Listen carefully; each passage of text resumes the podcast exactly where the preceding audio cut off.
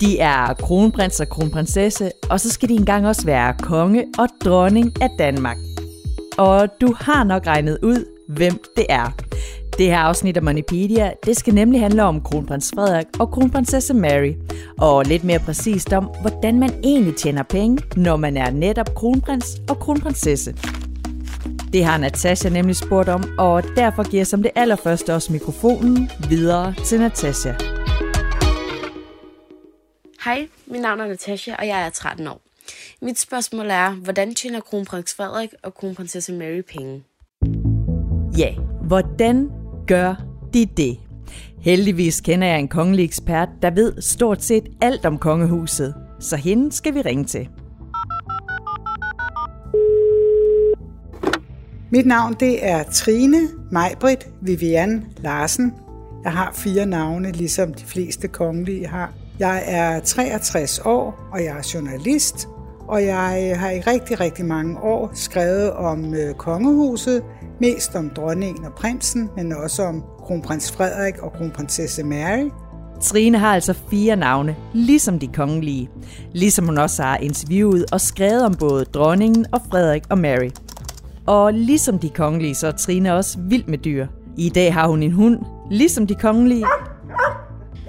Men det var altså et helt andet dyr, Trine havde, dengang hun var lille. Jeg købte engang en øh, japansk dansemus. Den kaldte jeg Findus. Altså min mor blev meget, meget bange, da jeg kom hjem med den. Hun kunne ikke så godt lide mus. Men øh, jeg elskede den der lille mus. Og vi bliver i det kongelige, for nu skal vi nemlig tilbage til Natashas spørgsmål. For Natasha vil jo gerne vide, hvordan kronprins Frederik og kronprinsesse Mary egentlig tjener penge. Ja, det er et rigtig godt spørgsmål. Hvordan tjener de deres penge? Altså, de får noget, der hedder apanage, og apanagen får man, når man er kongelig. Det bliver bestemt inde i Folketinget, hvor mange penge de kongelige de skal have. Og så hvert år, så stemmer man om det, og så er det ligesom deres løn for at arbejde for Danmark. Apanage, det er altså det, de kongeliges løn hedder. Og spørgsmålet er derfor nu, hvor mange penge Frederik og Mary får i løn. Frederik og Mary de får 22 millioner om året for at være kronprins og kronprinsesse af Danmark. Og af de 22 millioner, det er egentlig kronprinsen, der får dem. Men så skal han altså dele lidt af dem med Mary, så hun får 10 procent til at kunne bruge alene. Hele 22 millioner kroner om året får kronprinsen og kronprinsessen altså i apanage. Politikerne i Folketinget bestemmer som sagt, hvor meget de kongelige skal have i apanage. Men hvor kommer pengene til apanagen så egentlig fra? Det er egentlig os alle sammen, der betaler til øh, kongehuset via vores skat. Og det er altså det, som øh, de kongelige de får deres øh, løn fra. Og det er dronningen, hun får selvfølgelig flest. Hun får næsten 90 millioner om året. Og så får kronprinsen og kronprinsesse Mary altså 22 millioner. Men selvom både dronningen og kronprinsparet får mange millioner kroner i løn, så kan de altså ikke bare bruge alle pengene på sig selv. Tværtimod faktisk. For nogle af pengene skal de for eksempel også bruge på at betale løn til deres mange ansatte. Altså lige nu er der for eksempel 130 ansatte ved kongehuset, og der skal de jo betale deres løn, så det er ikke bare penge, de kan købe vin og vingummibamser og fint tøj for. Der skal også betales lønninger til alle de mennesker, som øh, hjælper dem til hverdag. Dronningen laver ikke mad selv, så hun har kokke, der hjælper hende, og hun har tjenere. Og med alt det på plads, så lad os vende tilbage til Frederik og Marys arbejde, som jo er at være kronprins og kronprinsesse. For hvad laver man så egentlig i jobbet som netop kronprins og kronprinsesse? Deres job er egentlig at hjælpe dronningen. Altså en gang så skal øh, Frederik øh, være konge, og Mary skal være dronning. Men indtil de er det, øh, og det bliver de først, når dronningen dør. Men øh, når det så er sagt, så øh, deres arbejde består jo i at hjælpe dronningen bedst muligt. Og det, de arbejder simpelthen for Danmark. De arbejder for os alle sammen. De sætter fokus på forskellige områder, som, hvad skal man sige, kræver lidt ekstra opmærksomhed.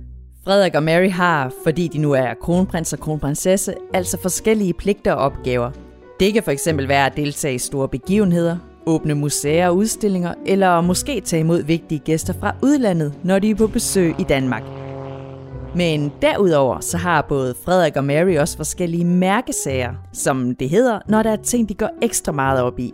De har sådan nogle forskellige øh, interessepunkter, som de går meget op i. Kronprinsen han går meget op i folkesundhed, han går meget op i, at vi alle sammen skal røre os og sådan noget. Og derfor har han for eksempel også lavet det, der hedder Royal Run.